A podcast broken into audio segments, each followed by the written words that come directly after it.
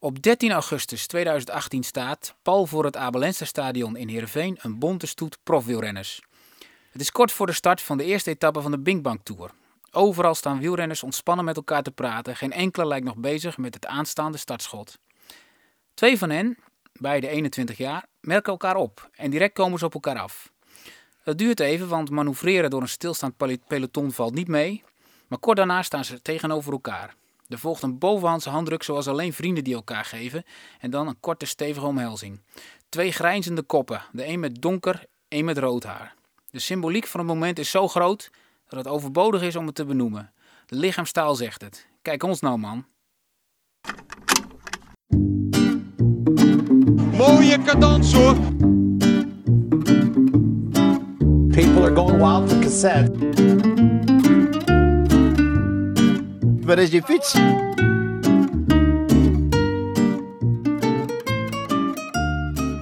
Soms zit je op de fiets met de pest in je lijf. De wind hard tegen, de benen willen niet of je hebt gewoon geen zin. Als je dan eenmaal toch bij je bestemming komt, ben je de worsteling al snel vergeten. Zou het ook zo gaan met de weg naar een profcontract? Als ze er eenmaal zijn, staan wielrenners in de schijnwerpers. Het profpeloton heeft de aantrekkingskracht van een sterke magneet. Je ziet ze rijden en denkt: ik wil ook prof zijn. Ik wil aanvallen op het vlakke, meedoen in een waaier, dansen op de pedalen bergop, zonder enig idee wat er eigenlijk voor nodig is om dat niveau te halen. Ik ben uh, Fabio Jacobsen uit Heukelum. Ja, nou, ik ben uh, Julius van der Berg. Kom uit Purmerend. Competitie, presteren, maar ook het trainen is leuk. En het is Julius van den Berg eh, die als eerste Alkmaar binnenrijdt. Als eerste komt hij op de Vondelstraat en kan hij na gaan denken over het zegengebaar. Julius van den Berg wint hier de profronde van Noord-Holland. En nu gaat Richese op het perfect moment. Richese en dan Jacobs. Dit is jouw kans. Het is jouw kans. Molaan op de rechterkant. Richese. En nu gaat Jacobs zijn sprint inzetten. Jacobsen tegen eh, Bennett en tegen Gaviria. Aan de rechterkant de Valschuit. Gaat Jacobs en pakken. Jacobs of toch Bennett. Jacobs of Bennett. En het is... It's Jacobsen holding on. Bennett with the challenge. Fabio the Fabulous. Er gaat een heel leven vooraf aan een profbestaan. Zelfs de meest simpele waterdrager heeft talent tot diep in zijn spiervezels en werkt keihard. Deze podcast gaat over het ontdekken van talent en hoe je dat als renner kunt benutten. Deze podcast gaat over de route naar het profpeloton. Je luistert naar een nieuwe aflevering van De Muur Podcast. De gast is Menno Haanstra. Hij is mijn neef, maar ook schrijver. En schreef boeken over schaatser Jan Ikema en voetbaltrainer Foppe de Haan. Voor zijn nieuwe project volgt Menno twee van de meest getalenteerde wielrenners van ons land. Fabio Jacobsen en Julius van den Berg. Voor de muur schrijft Menno een serie over wat deze mannen meemaken. We leren ze kennen en we leren vooral wat er ook nodig is om er te komen. Menno, welkom in deze podcast. Dankjewel, leuk. Welkom in mijn kledingkast. Deze podcast draait om uh, Fabio Jacobs en Julius van den Berg. Uh, twee jonge mannen die intussen prof zijn bij de Koning Quickstep en EF Education First. Maar deze podcast gaat dus over hoe ze daar eigenlijk zijn gekomen welke weg ze hebben afgelegd naar dat zo felbegeerde eerste profcontract. En niet geheel toevallig hebben Jacobs en Van den Berg een deel van die route samen bewandeld. Um, jij hebt ze daarin mogen volgen. Hoe ben je op dat idee gekomen? Ik uh, ben uh, bevriend met Michiel Elijzen en ik mocht een keer mee in een koers. Dat, ik, dat wilde ik al heel lang uh, eens een keer meemaken. En hij was toen ploegleider bij Sech Cycling, een belofte team een opleidingsteam eigenlijk. En uh, dat was een koers in Drenthe. En, en, en, en toen zat ik bij hem in de auto. En uh, ik weet nog heel goed, we reden tussen Assen en, uh, en Hooghalen. En op een zeker moment er stond een schuine wind op de kop. En dat, en dat ging zo verschrikkelijk hard. En je ziet van die jongens spartelen. Dat zijn maar broekjes hoor. Dat zijn jongens van 18, 19, 20. Uh, spartelen. Uh, het waait uit elkaar. Je denkt van allemachtig, wat is dit, wat is dit bijna gewelddadig. Dit is gewoon, ja, dit is bijna niet om aan te zien. Wat, wat, wat moeten die jongens wel niet moeten allemaal doorstaan om überhaupt uh, in de buurt te komen van een profcontract. En je weet, er rijdt daar een man of 150. En je weet ook, nou, er zijn er nou, heel, heel misschien een stuk of 5, 6 die hierbij rijden. Die straks ooit eens een keer profcontract gaan versieren. En toen dacht ik van ja, zou dat nou niet mooi zijn om eens een keer een paar van die jongens eh, te volgen bij hun, hun uh, ja, bij die tocht richting een contract? Of juist niet? Wa- was dat ook echt zo, zoals ik het beschrijf? Dat je, dat je op tv wielrennen ziet en, en, en je daarmee identificeert. En dat je, hè, bergop denk ik altijd aan Contador. Dat als ik bergop fiets, dan wil ik eigenlijk zo fietsen. Aanvallen en dansen op de pedalen.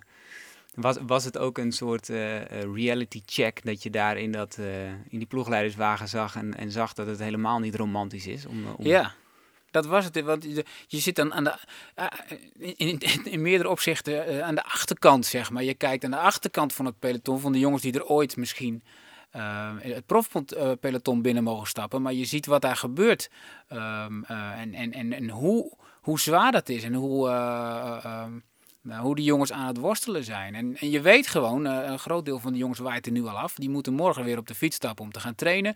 En hoe vind je dan de motivatie? Dan ben je er zo genadeloos afgereden. En dan moet je morgen moet je weer vier, vijf uur door, eh, door, het, eh, door het kale, dorre eh, voorjaarslandschap fietsen. En toen dacht ik van ja, maar dat is, dat, ja, dat is een, een deel van de wielersport die we eigenlijk helemaal niet goed kennen. Wij als volgers ken je natuurlijk het, het, eh, het, het prof eh, gebeuren. En Als er, heel soms als er een nieuwe prof komt, dan hoor je zijn naam. Maar meestal hoor je pas de naam van een renner voor het eerst als hij een keer een, een uitslag eh, Ja. rijdt. Ehm, maar dit is eigenlijk een deel dat wij helemaal niet kennen. Terwijl het wel heel essentieel is voor hè, die periode voordat je prof wordt. Het is heel essentieel en heel belangrijk voor nou ja, hoe je het straks gaat doen als prof. Daar gaan we het over hebben. Ehm, we gaan deze podcast chronologisch eh, opbouwen door het wielerleven van Jacobsen en, eh, en Van den Berg. Ze ontmoeten elkaar voor het eerst bij een koers. Hoe verloopt dat? Dat was een eh, voorjaarsklassieker. En daar stonden ze allebei aan de start. Heel toevallig stonden ze naast elkaar. Dat vertelde Julius moeder mij.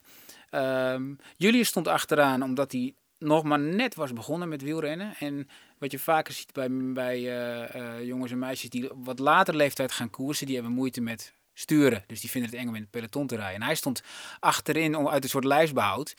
En naast hem stond Fabio met een veel te groot shirt. Die stond ook achterin, maar die stond achterin omdat hij blaakte van het zelfvertrouwen. En die wist van ja, eh, straks rijden we weg. En binnen een, een, paar keer de trappers rond en dan rijd ik voorin. En dat gebeurde ook. Ehm Julius reed de hele tijd achteraan. Ehm, met één of twee wielen eh openlatend, zodat hij tenminste eh, een beetje zich veilig voelde. En Fabio eh, won de wedstrijd. Dat is eigenlijk al een voorzetje naar de tegenstelling die er in die beide jongens zit. Daar gaan we het zo nog wel uitgebreider over hebben. We beginnen eerst met de jeugdperiode en de juniorenperiode van, van Fabio Jacobsen. Uit welk nest komt, komt Jacobsen? Kun je daar iets over vertellen? Ja, hele, hele aardige, echte, echte Hollandse mensen. Eh, ze wonen in Heukelum, dat ligt in de Betuwe. Ik meen dat zijn vader eh, eh, ook eh Zeeuwse roots heeft. In elk geval heeft hij een beetje zo'n Zeeuwse tongval. En Fabio heeft het ook wel een beetje. Dat, die man die werkt in de ploegendienst bij de glasfabriek, glasfabriek Royal Leerdam. En Fabio's moeder, die is receptioniste. Dat zijn, ja, hoe zeg je dat? Gewoon hele hardwerkende, echte Hollandse, nuchtere, ehm, hele aardige mensen. En, ehm, Je hebt, ook je hebt ze ook gesproken, gesproken hè, voor, Ja. voor je werk. Klopt. Klopt, ik ben bij ze geweest en heb ik aan de keukentafel met ze allebei met ze zitten praten. Heb ik eh opnamen van gemaakt. is ook wel heel mooi om, om terug te zien nu. Eh, exemplarisch is wel. eh, op- kijk, de vader van, van Fabio, Thijs, is zelf ook een sportman. Die, heeft goed, die kon goed schaatsen. Die zat tegen Jong Oranje aan. Kon erg goed fietsen. ehm, eh, en die, die vindt het natuurlijk geweldig dat zijn zoon eh, eh, ja, nu ja, dat was toen nog niet zo, maar in elk geval dat ze zo'n hard kan fietsen. Maar ik stelde hem een vraag van, god, waar ben je, welke prestatie van Fabio ben je nou eigenlijk het meest trots? En toen dacht ik dat hij met een of andere, eh, een of andere eh, overwinning zou komen. En toen zei hij eerst van, ja, ten eerste ben ik net zo trots op mijn dochter. En ten tweede, eh, waar hij dan het meest trots op was, was, was de manier waarop Fabio omgaat met, als iets niet lukt. Dus dat hij de volgende dag weer op de fiets stapt. En dat hij zegt van, nou ja, oké, dit is gebeurd en nu gaan we verder. En dat vond ik wel heel exemplarisch voor wat voor, eh, vooruit wat voor nest Fabio komt. Wat, wat voor jongen was het vroeger? Ja, wat je nu wel ziet als je hem in, eh, in een interview ziet, hij heeft wel brani. Eh, het is geen arrogantie, maar echt een soort eh, zelfvertrouwen. Hij, hij, hij gelooft in zichzelf. Het is een jongen met, eh, ja, die, die, die, die, die wel in zichzelf gelooft. Hij kijkt Maar- bijna triomfantelijk de camera in. Ja, en dat had hij volgens mij vroeger ook. Dus hij was een heel blijmoedig, bewegelijk mannetje. En wel een echte winnaar als hij een, een, een bordspelletje deed met zijn oma, die ook in Heukelum woont. Dan, en en het, het ging niet goed. Ja, dan smeet hij alle speelkaarten, speelde hij eh, door elkaar. En, en eh, dat, dat vertelde Thijs ook, zijn Fabio's vader. Want ik heb nooit een spelletje van hem kunnen winnen. Want op het moment dat ik voor stond, dan vloog het hele bord eh, eh, door de kamer. Dus dat, dat is een exemplarisch en eh, wel een echte winnaar. Eh, hij, heeft, hij, hij begon eh, als jong jongetje voetbalde hij. En dan stond hij soms gewoon te janken op het veld om, eh, omdat hij er niet tegen kon dat andere jongetjes misschien iets minder graag wilden winnen. Die stonden dan maar liefjes te plukken of zo. Maar ja, dan zie je, dan zie je al wel een, eh, een karakter dat zich onderscheidt. Ja. We gaan in deze podcast ook luisteren naar wat fragmenten, want eh, eh, je hebt ze ook geïnterviewd en dat heb je opgenomen. We beginnen daarin met een eh, fragment van Fabio Jacobsen, die iets vertelt over, eh, over trainen eh, en trainen met zijn vader ook.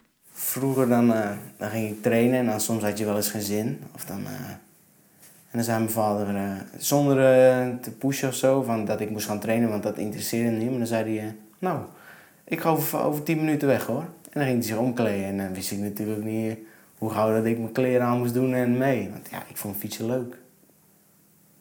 En ja, dan, dan, dan groei je erin hè. En dan vorig jaar heel speels en dan dit jaar met Peter Schep ja, blokjes en 30 seconden, 30 seconden, eh wattagemeter. Daar gaat een hele wereld voor me open. Vind je het gaaf? Ja, ik vind het wel cool. Er zit zoveel meer achter.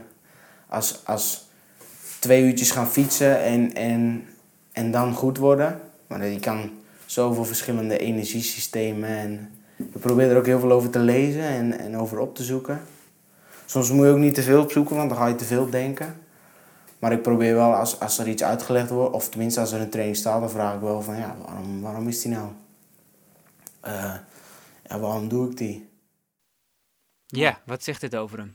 Mooi hè? Ja, dat zegt volgens mij, want op het moment dat hij dit zegt, is hij, eh, is hij 18. Dat hij eigenlijk al heel, heel volwassen is. Dus hij, hij, hij eh, krijgt iets te horen van zijn trainer. En in plaats van dat hij het meteen doet, gaat hij het opzoeken. Want dan wil hij weten waarom hij doet wat hij doet. En, en wat ik ook wel opvallend vind bij dit fragment, is dat hij ook zegt van ja, je moet ook niet te veel opzoeken, er veel ermee bezig zijn. Dus hij, hij kent ook al de valkuilen, en ben je 18. En dat is eigenlijk wat ik, wat ik tegenkom als ik mensen uit zijn omgeving spreek, die hem ook eh, in die periode al, eh, al, al onder hun hoede had, hadden. De, zijn volwassenheid, ehm, nadenken over de dingen en, eh, en zo ontzettend ehm, eigenlijk toegewijd al. Want eigenlijk is hij al bijna qua gedrag al een soort prof op het moment dat hij 18 is. Ik denk dat hij zich daar heel duidelijk in, eh, in onderscheidt. Eh, dat, dat zijn toewijding eh, is volgens mij een, een heel groot deel van het succes dat hij nu heeft. En zijn vader, want dat was dus, was vroeger een schaatser. Ehm, die probeert hem een beetje met een fluwelen handschoen te, te pushen, omdat dat is natuurlijk ook een, een, een dunne lijn. Tussen je zoon heel erg duwen richting hard trainen eh, en dat een beetje op een speelse manier doen. Kan ik me voorstellen. Ja. Ik, ik, ik sprak wel met, eh, met Peter Schep, die dus eh, bij, bij eh, Cycling, of Racing Academy, die werd de trainer van Fabio. Ja, dat Thijs ook wel duidelijk zei van, ja jongens, jullie zoeken het maar uit. Ik, ik, ik wil heus mijn mening geven als iemand me iets vraagt, maar jullie zoeken het maar uit. En dat, dat, dat, dat, is, dat, dat is wel vaak anders. Ik denk dat dat heel vervelend is voor een trainer, een, eh, een ouder die zich er te veel mee bemoeit. Maar goed, ehm, het is natuurlijk wel, het was ook wel een mooi voorbeeld. Toen was eh, Fabio, ik geloof nog nieuweling of misschien junior. Toen, eh, kijk, de periode daarvoor had zijn vader wel eens tegen hem gezegd: Ja, wij deden het vroeger zo en zo. En dan moest Fabio altijd een beetje grinniken. Maar er kwam later toch een moment dat hij dacht: Hé, hey, wacht eens even, die pa van mij. Toen kwam er ook een moment dat hij zijn vader ging vragen: van, hey, Hoe deden jullie dat nou? Dus toen kwam eigenlijk de nieuwsgierigheid ook al. Van vragen en, eh, en hoe kan ik beter worden? Gaan we naar, eh, gaan we naar Julius. Ehm, uit welk gezin komt hij? Julius komt uit een eh, samengesteld gezin. Beide ouders hadden al een, een zoon, dus hij heeft twee oudere broers. En Julius is een, een jongen die, die ja, ik wil niet zeggen vrij opgevoed is, als wel heel erg gestimuleerd is om te doen wat hij eh, zelf graag wil en waar hij, eh, zoeken waar hij goed in is. Hij ging naar een Montessori school. Dat, dat, dat zit ook wel een beetje in dat verlengde. eh, maar hij kreeg, kijk dat past niet bij elk kind, maar bij hem paste dat wel heel erg. En ik merk bij zijn ouders ook heel erg dat zij eh, ehm, hem he- op een heel positieve manier hebben gestimuleerd om te doen wat hij graag doet. Ik heb toevallig vanmiddag nog een fragmentje teruggezien van zijn moeder, die ik een paar jaar terug heb geïnterviewd. En die zei dat ook. Zij zei van ja, hij wil dit. Hij, dit is wat hij mooi vindt. En ja, natuurlijk is er een risico dat je het niet haalt. Maar als je dat niet probeert, dan weet je het ook nooit. Ja, als je die steun hebt vanuit jouw eh, ouders, eh, dan maakt dat, uh, dat het natuurlijk al een heel stuk. eh, En, en hoe, hoe was hij in zijn jeugd? Hoe ging die om bijvoorbeeld met die ambitie? Ja, Julius is eh, eigenlijk, hij begon iets later met fietsen, dat vertelde ik net al. Hij wa- zat eerst op voetbal, toen kreeg hij knieblessure, toen is hij gaan fietsen. Dat bleek hij heel erg leuk te vinden. Ehm, heel anders dan, eh, dan, dan Fabio. Niet zozeer er de hele tijd mee bezig zijn, zo dingen opzoeken of zo, daar, daar, daar heb ik heel weinig over teruggehoord. Maar op het moment dat hij op een fiets zit en hij gaat trainen, dan is hij niet te houden. En hij heeft een gigantische motor, dat had hij vroeger al. Hij is gewoon heel erg, heel erg sterk. Eh, hij vindt fietsen gewoon heel erg mooi. Dus eh, op het moment dat hij bij SEG kwam, toen moest hij voor het eerst een, een, een, een vermogensmeter gebruiken. En dan had hij eigenlijk pest aan. De helft van de tijd liet hij hem ook ergens liggen. Je hoeft zijn ploeggenoten maar te vragen. Waar staat Julius bekend om? En dan zeggen ze, ja, dat was hij weer zijn hartslagmeter kwijt of zijn vermogensmeter. Dat vond hij eigenlijk allemaal maar niks, want hij wilde eigenlijk gewoon eh, hard fietsen. Ik vind dat wel heel erg mooi. Ik was laatst zelf aan het fietsen en toen kwam ik een, eh, een of andere kerel tegen en die... Die had het steeds over zijn zoontje van tien en die reed ook al wedstrijden. En, en toen zat hij, zat hij te vertellen dat hij dan eh, na afloop had hij dan een vermogensmeter van zijn zoontje uitgelezen. En toen zei ik van, "Maar hoe, hoe oud was je zoontje? En die was dus echt tien. Dus, Ja. dus dit is een tegenovergestelde daarvan. Dat, wat hij zelfs op zijn achttiende nog niet eens zegt zin heeft om aan een vermogensmeter te gaan. Hij wil gewoon hard rijden. Ja. Ik denk dat als je tien bent, dat het niet heel verstandig is om een vermogensmeter te gebruiken. Maar dat terzijde. Ehm, we gaan naar het eerste fragment van, eh, van, eh, van Julius van den Berg. Een, een, een fragment waarin hij ook een beetje, waarin zijn karakter een beetje getypeerd wordt. Nou, ik had dat eh, aan het einde van het jaar had ik een gesprek met eh, de ploegleider van Viking Waterland, Dick. Ja, nou, dat, dat ging. ehm, ja, dat was echt een gerenommeerd team, zeg maar. Eh, Dat is gewoon in Noord-Holland. De allerbeste die zitten daarbij. Dus ehm, ja, daar was ik wel heel blij mee dat hij me vroeg of ik eh, voor dat team wilde rijden. Nou ja, ik zeg daar, ja, tuurlijk ja gezegd. Dus het volgende, volgend jaar zat ik daarbij. En ja, dan, eh, ja, dan merk je toch wel van ja, als je bij zo'n team zit, dan voel je al gelijk eh, dat je toch wel redelijk kan fietsen. Dus dat is wel leuk. Vond je dat alleen maar leuk of vond je het ook een druk? Nee, geen druk. Nou, het, is, het motiveerde me meer zelf. Want wat ik al zei, met het pelotonrijden, dat ik daar moeite mee had. En toen dacht ik wel echt met de eerste wedstrijden gelijk van... Nou, nu kan ik niet meer achterin hangen. Want ik zit nu bij zo'n team, dan moet ik wel gelijk... eh, dan moet ik voorin rijden. Dan kan ik niet eh, maken dat ik achterin blijf rijden. Dus op die manier eh, is het niet druk, maar meer motivatie. al meer tegen jezelf gezegd, zeg maar. Van nou zal ik het ook laten zien. Ja, precies. Ja, dus eh, de situatie is als volgt. Julius van den Berg heeft zich laten zien. En die mag bij eh, een hele goede juniorenploeg in, in Noord-Holland. En daar zit een beetje prestige bij. Ehm, jij vraagt hem of hij dan druk voelt. En hij zegt, nee, ik voel eigenlijk geen druk.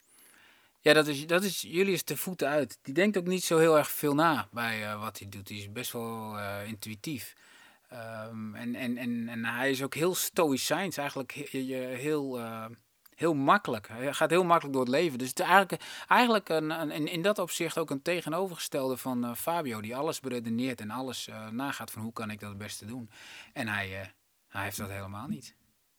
Staat, is, hij, ehm, zie je, is hij echt zo, zo laconiek, zeg maar? Gaat hij overal zo mee om? Hij heeft natuurlijk ook wel zijn grenzen. Dit jaar, eh, ehm, hij heeft vorig jaar getekend bij Education First, eh, halverwege het jaar. Dat is ook wel opmerkelijk trouwens, dat gebeurt niet zo vaak. En dit jaar, het hele voorjaar, kwam hij bijna niet vooruit. Had gewoon eh, constant slechte benen. En eh, ja, dan, dan gaat hij ook wel twijfelen. Ehm, en dat is natuurlijk ook logisch, want je moet je voorstellen, je, je, je- het doel is een, een profcontract. En dan heb je een profcontract. En dat is, dat is altijd voor twee jaar, want dat is het minimum voor, eh voor neoprofs. Ehm, maar dan moet je het natuurlijk wel laten zien. Want je weet ook dat als je het niet laat zien. eh, en je hebt de kans gehad, dan zijn er maar heel weinig ploegen die dan denken van dan pikken wij hem wel op. Dus ik kan me heel goed voorstellen dat hem dat nu in zijn kop gaat zitten. En eh, dat, nou, na verloop van tijd gaf hij ook wel, dat gaf hij ook wel aan. Nou ja, dan begint hij ook heus wel te twijfelen. Gelukkig gaat het nu een heel stuk beter hoor. Maar hij heeft gewoon een hele periode gehad dat het niet ging. En dat is natuurlijk hartstikke frustrerend. Dan kom je weer bij die achterkant van het peloton. In die zin de dingen die je niet ziet. Bijvoorbeeld dat je weet dat je alles goed doet. Maar en dat, je, dat er niet een oorzaak is te vinden. Maar dat je gewoon niet vooruit komt. Dat is natuurlijk hopeloos frustrerend. Moet je dan maar eens een keer rustig zien te blijven. Dat wat hij noemt in dit fragment, eh, dat is ook dat achter in het peloton eh, fietsen, waar, waar hij eh, waarschijnlijk vaker kritiek op heeft gekregen, wat natuurlijk ook niet zo handig is in wedstrijden. En, maar dit is, die ploeg is voor hem dan de motivatie om zich er toch tussen te gaan gooien. Wat zegt dat over hem? Nou, dat zegt ook dat zegt, dat zegt over hem in elk geval op het moment dat hij op de fiets zit, dat, hij, dat, dat, het, dat het alles of niets is. En dan bij hem eigenlijk altijd alles. Maar dat ook dat deze ploeg heel erg bij hem past. Die Dick Lof, eh, dat is een, een kerel, dat is een machtige mooie kerel. Die met een, met een hele grote mond en een mooie eh, Noord-Hollandse tongval. Eh, en, die, en, die, en die zegt ook, ik wil dat mijn mannen gewoon lekker dom koersen. Eh, in de belofte wordt het pas wat serieuzer. Maar laat ze maar lekker grote fouten maken. Laat ze maar aanvallen nog een keer en nog een keer. Ze hadden een eh etappekoers in, ik geloof, Frankrijk. En toen was de eerste etappe. En Julius kletste er zo ge- ongenadel- ongenadeloos hard in. Eh, hij bleef maar aanvallen. En op een zeker moment komen ze op het plaatselijke rondje. Toen was hij totaal kapot. En toen kwam hij het buitentijd binnen. En, en, en dan krijgt, kreeg hij wel een opmerking van Dick Lof, maar die vond het eigenlijk ook maar mooi. Want ja, dat, dat is wel hoe je het leert natuurlijk. Dan ga je de volgende keer anders doen. Maar gewoon zonder voorbehoud eh, eh, erin vliegen. Nou, dat soort dingen heeft hij vaker gedaan. Dat hij bijvoorbeeld echt een, een, een koers reed en dat het zo slecht ging dat hij na afloop naar Dick toe kwam en dat hij zei van ja, waarom doe ik het eigenlijk? Wat doe ik het voor? Ik kap er ook mee. Dat is toch ook, wat is toch vreselijk dit? En toen ging Dick hem vragen van, maar wat heb je gisteren gedaan? En had hij eh, vijf uur met zijn vader getraind in, in, de, in, de, in de vrieskou. Dat is, dat is natuurlijk iets wat je dus sowieso nooit moet doen. Maar dat is wat Dick Lof bedoelt met eh, lekker dom koers. En ik denk dat dat heel goed paste bij, bij Julius. Gaan we naar, eh, gaan we naar 2015, want in 2015 eh, komen Fabian Jacobsen en, eh, en Julius van den Berg samen bij de SEG Racing Academy. Het is al even genoemd. Ze zijn dan belofte, dus dat is de, de, de befaamde overstap van de junioren naar de belofte, waarin je in het diepe wordt gegooid. Ehm, misschien is het goed om, om eerst even uit te leggen wat precies het idee achter SEG is. SEG werd in 2015 eh, opgericht, dus, dus toen Jacobsen en Van den Berg erbij kwamen, werd die ploeg ook meteen opgericht. Ehm, wat, wat is het idee achter SEG? Zeg is een initiatief van de gebroeders Berghout, eh Ilko en eh, Martijn. Eh, die zijn eh, eh, eh, wat spelen, spelersmakelaar, dan in de, in de wielrennerij. Dus die hebben een aantal renners eh, onder hun hoede, waaronder eh eh, Mollema, Poels, eh, Daniel Martin en zo nog een heleboel. Ehm, en die wilden een eigen ploeg hebben. Eh, want eh, wat zij dachten, wat, wat zou het nou eigenlijk mooi zijn op het moment dat wij gevraagd worden naar een bepaalde renner, dat we die uit onze eigen stal kunnen brengen. Omdat we dan weten wat voor jongen het is, wat zijn geschiedenis is, we hebben al zijn gegevens. En een bijkomend voorbeeld, voordeel van je eigen ploeg hebben, is dat je ze in de gaten kunt houden. Dus je kunt ook, je weet ook, of tenminste je hebt een flink goede indicatie, of het eh, misschien zo is dat jongens zich bezighouden met dingen die, niet, die je niet wil. Uh, dus eigenlijk, en, en, dat is best wel het, het unieke van dit uh, project, is dat de, de, eigenaren van de ploeg uh, tevens de managers van de, van de renners zijn.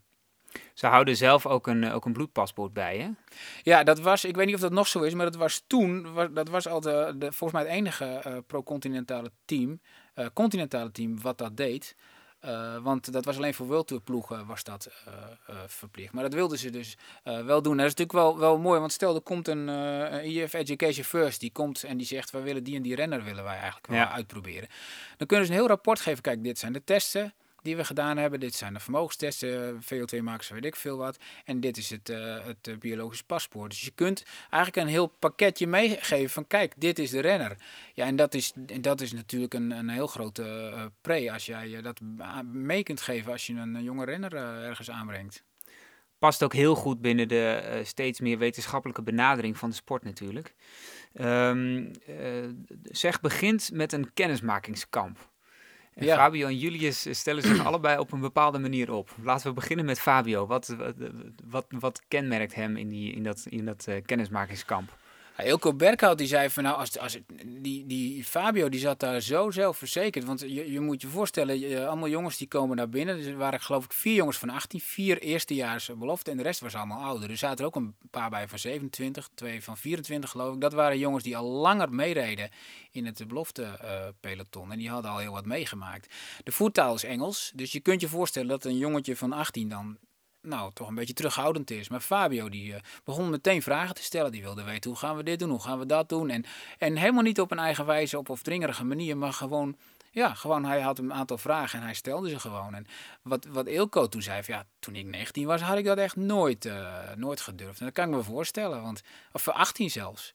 Dus ehm, Fabio was eigenlijk al, eh, nou ja, wat ik net al zei, al, eh, al een stuk volwassener dan dat zijn, eh, zijn leeftijd deed vermoeden. Ja, je beschrijft, eh, het, is alsof hij zijn vragen voor dat moment heeft bewaard en ze er in één keer allemaal uitklapt. Ja, want hij is zo nieuwsgierig, hij wil zoveel weten. Dat heeft hij nog steeds volgens mij. Want dat is, toen hij bij Quickstep kwam, gebeurde dat natuurlijk ook. Dan ging hij ook meteen iedereen vragen. En hij heeft helemaal geen voorbehoud. Hij gaat dan niet denken van, god, wat zullen ze daar wel niet van vinden van die snotaap dat hij nu al vragen stelt. Ik zag een filmpje voorbij komen van hem. Dat fragment hebben we er nu even niet bij. Maar eh, eh, hij heeft net zijn eerste maanden bij Quickstep gehad. Eh, en dan wordt geïnterviewd en dan vertelt hij van, dat hij aan tafel zit, aan de eettafel. En dat hij rondkijkt dat hij denkt van, jemig, dat is, dat is Philippe Gilbert. En, en, en daar links, dat is, dat is Stibar. En, maar ik moet wel opletten wat ze zeggen. Want ik moet het wel onthouden wat ze allemaal zeggen. Ik vond het ook eh, ik- ik vond het vrij typerend. Ja, dat is mooi. En dat is ook wel een mooi onderscheid tussen die twee jongens. Hij, hij, eh, eh, Fabio kent ook veel van de wielergeschiedenis, zeg maar. Er was ook zo'n bijeenkomst van eh, Quickstep en daar was uh, Museo aanwezig. En dan gaat hij er toch heen, gaat hij even heel nederig een handje geven. Want hij denkt toch van, ja, dat is toch Museo. En als je dat dan, dat dan voorlegt aan Julius, dan zegt hij dat zou ik eigenlijk helemaal niet hebben. Die, die, die, en, en, en, en die, Zou die- die hem herkennen? dat, nou, misschien wel niet. Misschien wel niet. Die is daar veel minder mee bezig. Ehm, en Julius, hoe, hoe, hoe was hij op dat kennismakingskamp? Hoe was zijn eerste indruk bij dat, eh, bij dat zeg? Ja, dat was toch wel heel eh, anders. Kijk, Julius is echt een allemans vriend en hij is grappig en hij is slim en, eh, en, en ad rem, dus er werd meteen al om hem gelachen.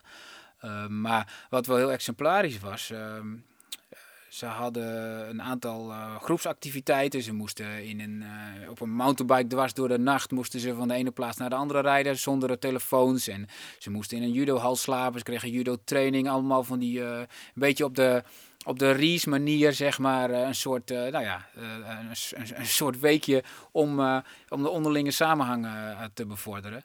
Eh, en op een zeker moment moesten ze om een uur of zeven moesten zij eh, met z'n allen klaarstaan voor een eh, core stability sessie.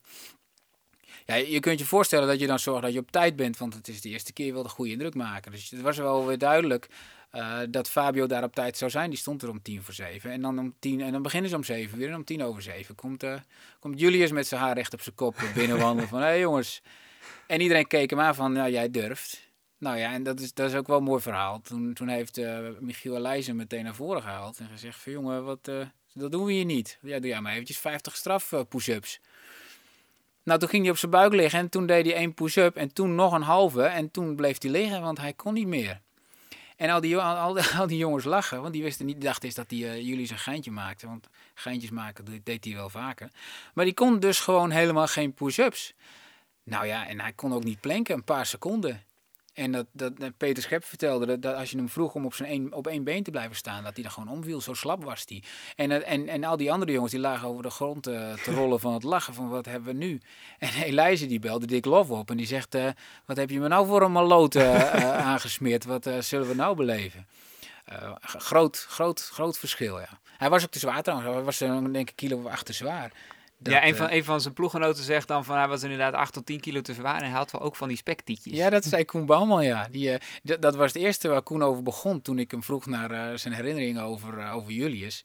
Eh, en, en, en Koen vertelde er ook bij van, nou, ik, ik, ik dacht wel van nou, daar moet wel heel wat eh, gebeuren. Wil die überhaupt dat, dat belofteniveau eh aankunnen? Maar ja, dan krijg je weer het verhaal van, van Julius. Als je hem één keer op de fiets zet, dan is hij niet te houden. Dus ze hadden een week of twee later hadden ze een trainingskamp in Griekenland. En, en Julius kon alle trainingen aan. En eh, na de training deden ze nog een, eh, een, een, een koersje van 4 kilometer. Nou, drie keer raden wie er dan steeds, eh, steeds aangaat en steeds aanvalt. Dat, is, dat is Julius. Dus die kan gewoon allemachtig fietsen. En, en dat is ook wel, ook wel een mooie tegenstelling tussen Fabio en Julius. Omdat Fabio al heel ver was in zijn professionaliteit en Julius niet. ehm, zat er op Julius ook veel meer marge. Dus ehm, Peter Scheps, de trainer, die vertelde ook van ja, het is natuurlijk als trainer is het heel mooi met zo'n jongen te werken, omdat iemand die al zo hard kan fietsen, maar die tegelijkertijd op, op bijna alle vlakken nog kan verbeteren, ja, daar wil je natuurlijk graag mee aan de, aan de slag gaan. Ja, dan- dat is een dankbare, Ja. dankbare klus. Eh, als ze een half jaar bij SEG zitten, zijn ze allebei eh 18 jaar. Dan zoek je ze op in Limburg. Daar zitten ze in een soort eh, eh, internaat, of een, niet een internaat, maar een, een oud eh, klooster. Hè? Ja, ja, ja. een, een groepsaccommodatie eigenlijk, zoiets is het. Ehm, eh, hoe tref je ze eraan? Wat, wat is de situatie daar? Ja, dat is ook wel weer mooi. Dat was de eerste keer, ik had ze daarvoor alleen maar telefonisch gesproken. Ik had ze natuurlijk wel in die koers gezien, maar één op één had ik ze nog niet gesproken. Dus ik stond daar te wachten. En ze waren naar een, even naar de supermarkt. En op een zeker moment hoorde ik een heel, een, een, auto aankomen met een veel te hoog toerental. Toen had ik al de indruk dat iemand reed die nog niet zo goed kon rijden. En er zat Fabio achter het stuur, die had net zijn rijbewijs. Dus die, die stoppen daar slippend voor dat eh, gebouwtje. En, eh, en Fabio, ik zie, Fabio, ik zie hem nog uitstappen, heel kordaat. Hè? Twee stappen is hij bij je, staat er borst vooruit. Hoi, Fabio. Nou, en dan kwamen jullie eens achteraan. Hoi. En eh, nou, dat was meteen de eerste indruk. Dat was eigenlijk wel mooi. En Fabio die is een hele beleefde jongen, dus die, eh, die, die, die ging me even rondleiden. En die, die vraagt me of ik wat wil drinken. Nou, en jullie die gingen wat koken. En eh, toen heb ik mijn spullen klaargezet. Ik had een videocamera mee om ze, om ze eh, te gaan interviewen. En nou, toen stond eten op tafel. Ik- Genoeg voor iedereen. Ja, dat was ook wel opmerkelijk. Dit, dat, ze hadden, ze hadden eh, een nasi, een hele eenvoudige nasi. En eh, toen gingen we zitten. Er zat nog een andere jonge renner bij, Alex Pieters. Die ging later naar Sky. En toen ging eh jullie eens opscheppen. Toen zei hij, ja, we hebben nasi en eh, soep. Maar Menno, we hebben niet genoeg voor vier. Vind je het erg als jij geen soep krijgt? ik zei, nee hoor, dat is helemaal geen enkel probleem. Loog jij. Onderwerp van, wat was het onderwerp van gesprek aan tafel? Waar, waar, werd, waar werd over gesproken? Nou, wat mij is bijgebleven is dat ze zo. Kijk, ik dacht, ik dacht voorheen altijd dat jonge wielrenners altijd in hun hoofd hebben: ik wil de volgende Cavendish worden of ik wil de volgende Tony Martin worden, wat mij betreft. Maar eigenlijk is dat helemaal niet zo. Die jongens, die, die belofte jongens, die zijn eigenlijk met één ding bezig: dat is een contract krijgen. Als je een contract krijgt, dat is het ultieme doel. Dat andere, dat wat erachter ligt, dat is zo ver weg. Ja, dat, dat is bijna bijna te abstract om überhaupt over na te denken. Dus die jongens zitten steeds te ouwe over prof worden. Nou, en, en ze waren de dag ervoor naar de Kouwberg gegaan. En daar was Julius blijkbaar zo ontzettend hard omhoog geknald. Dat eh, Fabio zei, ja, ja, jij wordt echt prof, jongen. Jij bent echt niet te houden. Dus je staat nu nog te koken, maar dat hoef je volgend jaar echt niet meer te doen, hoor. En dan, eh, dan zit Julius het een beetje af te houden. Maar dat was ook wel weer zo'n indicatie. Want er waren ook andere jongens van zeg die hadden, die hadden eh, de oudere jongens die hadden met Julius getraind. En die zeiden, wat die doet, dat is echt ongekend. Zo hard als die kan fietsen. Dat is wel iets wat je steeds hoort. Wat kan die hard fietsen? Wat heeft die een grote motor? Als je dan eh, Fabio voor de camera hebt gezet, dan, eh, dan vertelt hij daar ook over. Laten we daarna gaan luisteren. Ja, de droom is natuurlijk om, om, om prof te worden. Maar ik denk niet zozeer dat, eh, dat... Dat is natuurlijk waar je mee begint. Maar nu kom ik echt op een, op een, meer op een idee van... Nou, oké, dat is de lange termijn. Maar nu is het meer van elke dag of elke week beter worden. Dus het gewoon korter zien. In een, eh, ja, soms... soms ja, oké, prof worden is dan het einddoel, maar... Wat als je prof bent? dat mag eigenlijk natuurlijk niet het doel zijn. Je wil wedstrijden winnen en meedoen en, en, en er staan. Dus het meer het doel is winnen. En uiteindelijk op het hoogste niveau meedoen. Of, of als je misschien geen, niet kan winnen op het hoogste niveau, ja, dan kan je knecht of eh, je weet het niet. Er is geen ideale route naar de, naar de profs. Maar het zou mooi zijn als je van je hobby en je sport en je liefde je baan kan maken. Denk je dat, eh, dat, je, denk je, dat je prof wordt? Ik denk dat, ik denk dat het wel mogelijk moet zijn. Nee, denk je dat het lukt? Ja, Als je moet zeggen ja of nee. Ja, ja anders, anders zou ik hier nu niet mee bezig zijn. Eh, ja, er zitten een paar interessante dingen in. Eh, er is niet een ideale weg naar een profbestaan. Aan het einde laat hij ook nog even eh, horen dat hij, dat hij overtuigd is, is van zichzelf. En ehm, dat profcontract is wel zijn doel, maar hij heeft ook dat al meteen vertaald naar eh, iets operationeels. Namelijk het goed doen in koersen en die koersen winnen, zodat die kans op dat profcontract het grootste wordt. Want het profcontract aan zich kan natuurlijk geen doel zijn. Dat is niet eh, aan het eind van een koers een, eh, een prijs. Ja, dat hoor je ook mooi. Hij hoort het zichzelf zeggen en, en dan, dan corrigeert hij zichzelf bijna van dat mag eigenlijk niet een doel zijn. Ik heb hem vanmiddag nog even gebeld. Ze hebben nu een rustdag en hij, is, hij zit er wel aardig, hij is aardig kapot. Maar rustdag in dat de nog- Ronde van Spanje. Sorry, in de, in de Vuelta. En, en ik heb hem nog, ik denk ik bel hem toch even, want ik had hem nog niet gesproken nadat hij zijn eh, etappe had gewonnen eh, van de week. En dan, dan is, hij, is hij eigenlijk, eigenlijk na, na, na, een- na, nadat de rook is opgetrokken alweer bezig met het volgende doel. Eh, hij, hij, het is eigenlijk, hij zegt het is nog niet eens echt ingedaald dat hij überhaupt een, een etappe in een grote ronde heeft gewonnen. Maar hij wil nu alweer meer. Misschien nog een winnen. Straks die, die rustdag door, dan na de tijdrit nog eens kijken.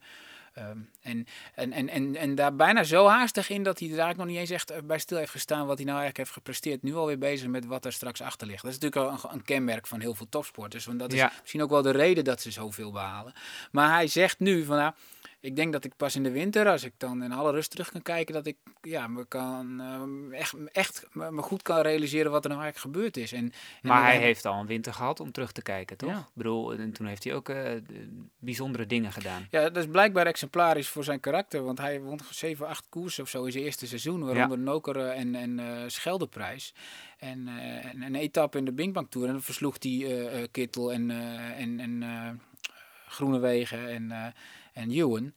Dus ja, hij, hij heeft al heel veel laten zien. Maar blijkbaar ehm, wordt, wordt het heel snel... eh, ja, ik wil niet zeggen normaal, maar het is blijkbaar de topsporter eigen eh, om dan meteen alweer vooruit te kijken. Eigenlijk wel ergens is het wel zonde. Ja, maar dat, dat is, eh, ik, ik denk dat dat heel, in heel veel topsportkarakters terugkomt. Zeker succesvolle. Eh, het idee leeft toch een beetje dat als je heel blij bent met die ene overwinning, dat je dan eh, niet hongerig genoeg bent om die volgende overwinning te pakken. Ik denk dat het zo werkt. Daarom ben ik ook geen topsporter waarschijnlijk. En, eh, en maak ik podcasts. Ehm, nu is hij een erkende sprinter, wint massasprints. Dat is niet in die periode bij zeg, of in, in dat eerste jaar in ieder geval, of in dat eerste half jaar, want al heel snel kwam hij erachter dat hij dat, dat, hij dat wel goed, heel goed kon. Ehm, eh, dus is hij nog op zoek naar zijn specialisatie eigenlijk? En dan, dan, daar zegt hij het volgende over. Ja, ik ben er wel aan het uitzoeken. Ik, ik heb wel een hele... Ik ben wel rap. Maar ja, hoe rap? En, en ben ik rap als in massasprint rap? Of meer als in na een zware wedstrijd met een select groepje rap? Ik, ik denk, ja, tot nu toe gaat het eigenlijk allebei wel. Maar ik ben benieuwd, ik weet het niet. Ja, en dan de kasseiklimmetjes. Die gaan ook wel oké. Moet ik nog wel wat gewicht kwijt, maar... Ja, het zijn vooral zware wedstrijden. En eh, ik ben niet eh, bang van vies weer. Ja, mooi hè? Dat is toch eigenlijk, eh, bijzonder dat je dus... eh, dat hij daar nog, nog hard op zit, zit na te denken over waar ben ik nou eigenlijk goed in. En je weet nu waar hij goed in is. Hij kan trouwens al die sprints aan die hij nu noemt. Want hij heeft dus alle soorten eh, al gewonnen. Lange machtsprints, maar ook een hele korte vinnige Ja. omhoog. Eh de Nokere koers die won hij eigenlijk zittend eh, over de kasseien omhoog. Dus, eh, en, en, ik denk dat hij in de toekomst ook wel klassiekers aan kan. Maar dat, dat vind ik een van de allerinteressantste dingen. eh, van dat, dat, dat, dat volgen van jongens die nog bij de belofte rijden. Wij denken dan van nou, de ene is een klimmer, de andere is sprinter. Je hebt tijdrijders en je hebt eh, knechten die aan alles wat kunnen. Maar waar je nou eigenlijk goed in bent, dat moet heel vaak nog blijken. Je kent ook het verhaal van Kittel, die, eh, die werd gehaald als eh, tijdrijder. Die bleek een sprinter te zijn. Dus het is helemaal niet uitgemaakte zaak. Soms kunnen je kwaliteiten elders liggen. En, ehm, en soms duurt het zelfs eventjes voordat je daar, eh, daarachter bent. Kijk, en kijk je naar, naar Julius, ehm, die, die heeft veel minder duidelijk, eh, die heeft niet één specialisme. Eh, en en in die zin is dat, is dat een beetje oneerlijk. Kijk, als jij sprints kunt winnen, dan, of heel goed kunt sprinten, dan kun je automatisch kun je, kun je koersen winnen. Het lijkt heel simpel, is het natuurlijk niet. Maar dan heb je wel de mogelijkheid om veel koersen te winnen. En voor Julius zal het altijd moeilijker zijn, want die eh, kan, eh, ehm, die kan eh, voor alles goed, maar niks eh, uitstekend. Ja, je stelt, je stelt die vraag in 2015 ook aan Julius en, en hij antwoordt dan dit. Ik weet het niet precies. Ik, ik, eh, ja, op zich, ik ben nergens echt super in. Ik, ik kan een beetje klimmen, een beetje tijdrijden, een beetje eh, heuvels. Maar niet, niet echt. Sprint?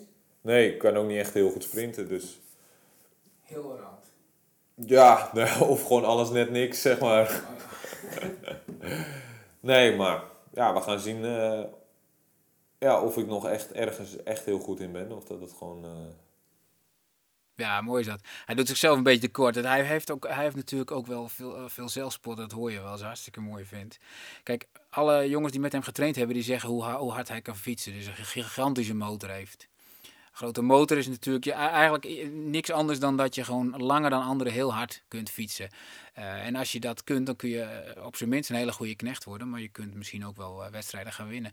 Maar feit is wel dat met zijn kwaliteiten het voor hem veel moeilijker gaat worden om koersen te winnen. Want er zijn eigenlijk maar twee manieren. Dat is of solo. Ehm, of eh, de sprint winnen van een, eh, van een klein groepje. Nou ja, voor solo moet je vaak ook nog enigszins explosief zijn om weg te kunnen rijden.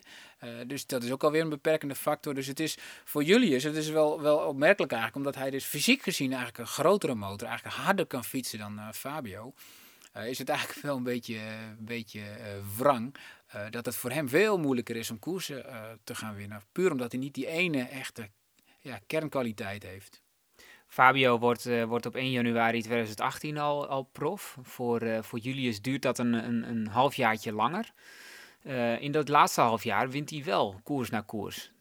Ja, die, die ging, was, op een gegeven moment was hij gewoon bijna niet meer te houden. Dat, en dat, dat ging gewoon met een soort vertraging. Eh, eh, ehm, hij wat dat betreft, Fabio is de sprinter, daar gaat alles snel. Maar bij hem komt het misschien iets later, heeft hij iets meer tijd nodig.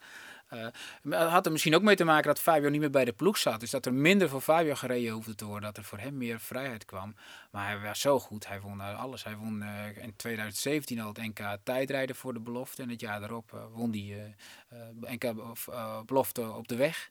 En hij won nog veel meer etappen in Bretagne, Normandië geloof ik. Ehm, hij, was, hij was echt niet te houden. Hoe heeft hij die, die uh, uh, specialisatie dan uiteindelijk gevonden? Zeg maar? want, want hij heeft toch uh, een bepaalde kernkwaliteit gevonden.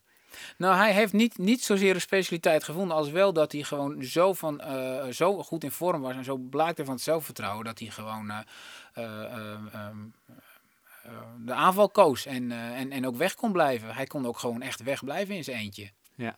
En dat was ook, dat was ook bij het NK, dat was geweldig. Hij kwam solo aan. Hij kwam daar solo aan en uh, na het NK wordt de Stoïcijnse Julius van den Berg met, uh, met zijn zelfspot geïnterviewd. Um, dat is een fragment van, uh, van Wielenflits. Hij wordt geïnterviewd door, door Jurie Eindsen. en, dat, en dat klinkt als volgt. Daar gaan we het zo nog even over hebben.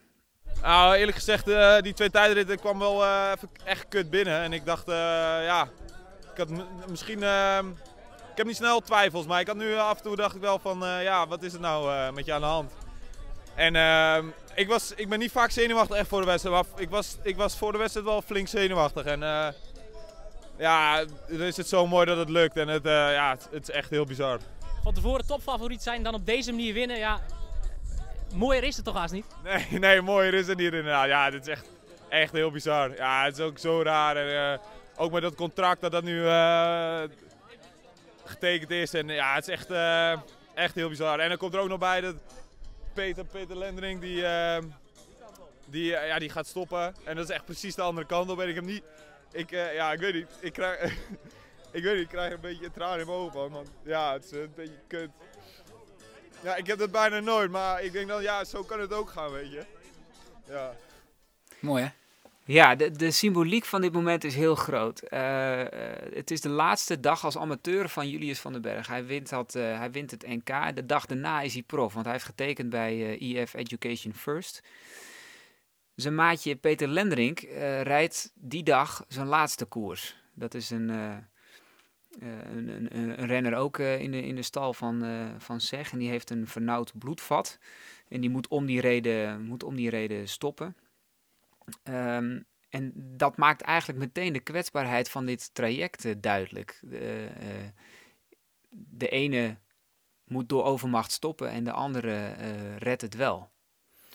Ja, dat, dat, dat klopt precies. En, en kijk, dus in, in, in, op een bepaalde manier is dat best wel bijzonder natuurlijk dat die twee jongens die ik dan ben gaan volgen allebei een profcontract hebben gekregen. Want de kans dat ze dat niet zouden redden is eigenlijk vele malen groter. En daar is dit dan een mooi, uh, mooi voorbeeld van. Ik had ook een beetje zo in mijn hoofd van, nou dan zul je zien dat er eentje straks prof is en toeretappes wint en die andere die werkt, ja die staat ergens vakken te vullen of zo. Of die... die ligt in de goot. Ik heb het wel eens gevraagd van jullie is van God. Drink je wel eens een biertje? Nee, zonder gekheid. Kijk, de kans dat het niet lukt is veel groter. En uh, dat, dat zie je hier. En wat ik aan dit fragment ook wel heel mooi vind, is dat uh, is altijd heel, heel stabiel in zijn uh, gedrag. En soms heb ik ook moeite om.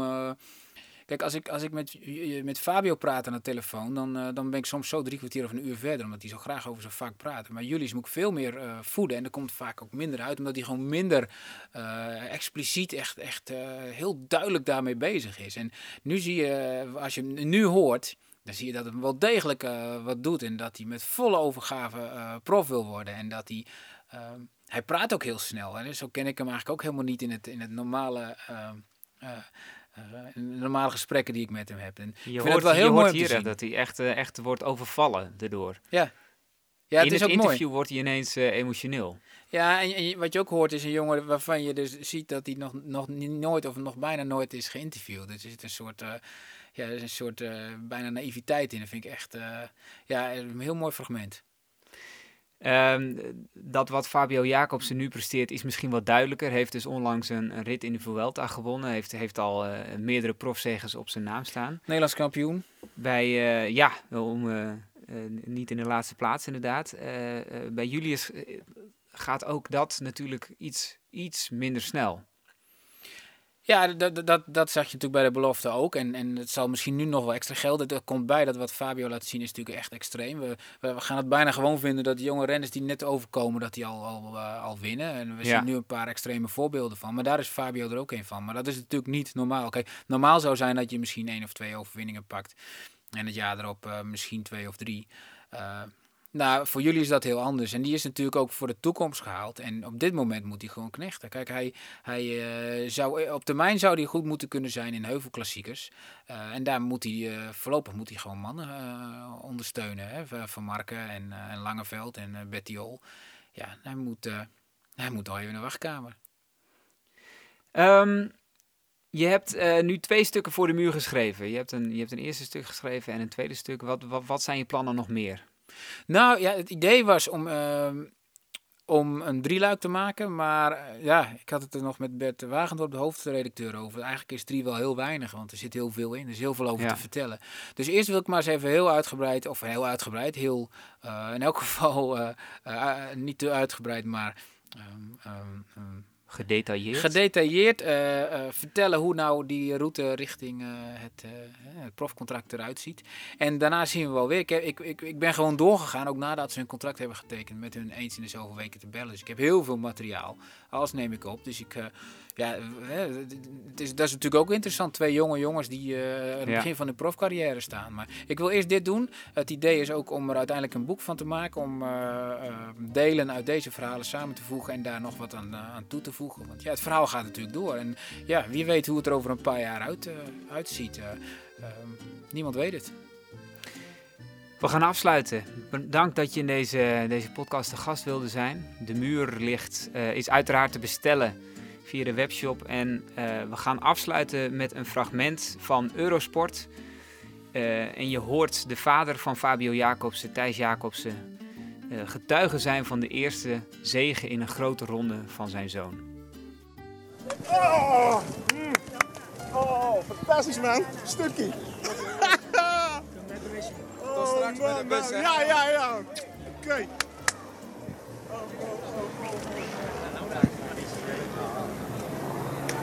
Ja, ja, ja. Dit moet familie zijn.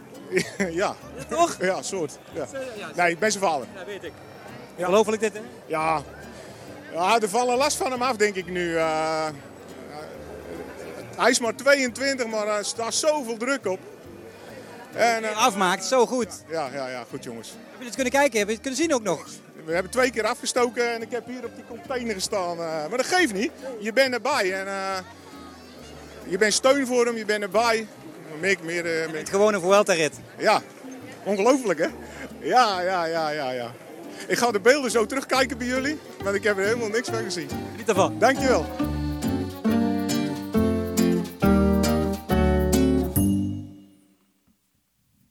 Top, Dat is hem. dat is hem. Nou. 48 minuten, mooi man. Dat is een mooie. eh, nou, dat is nog een beetje knipt, hou je drie kwartier over.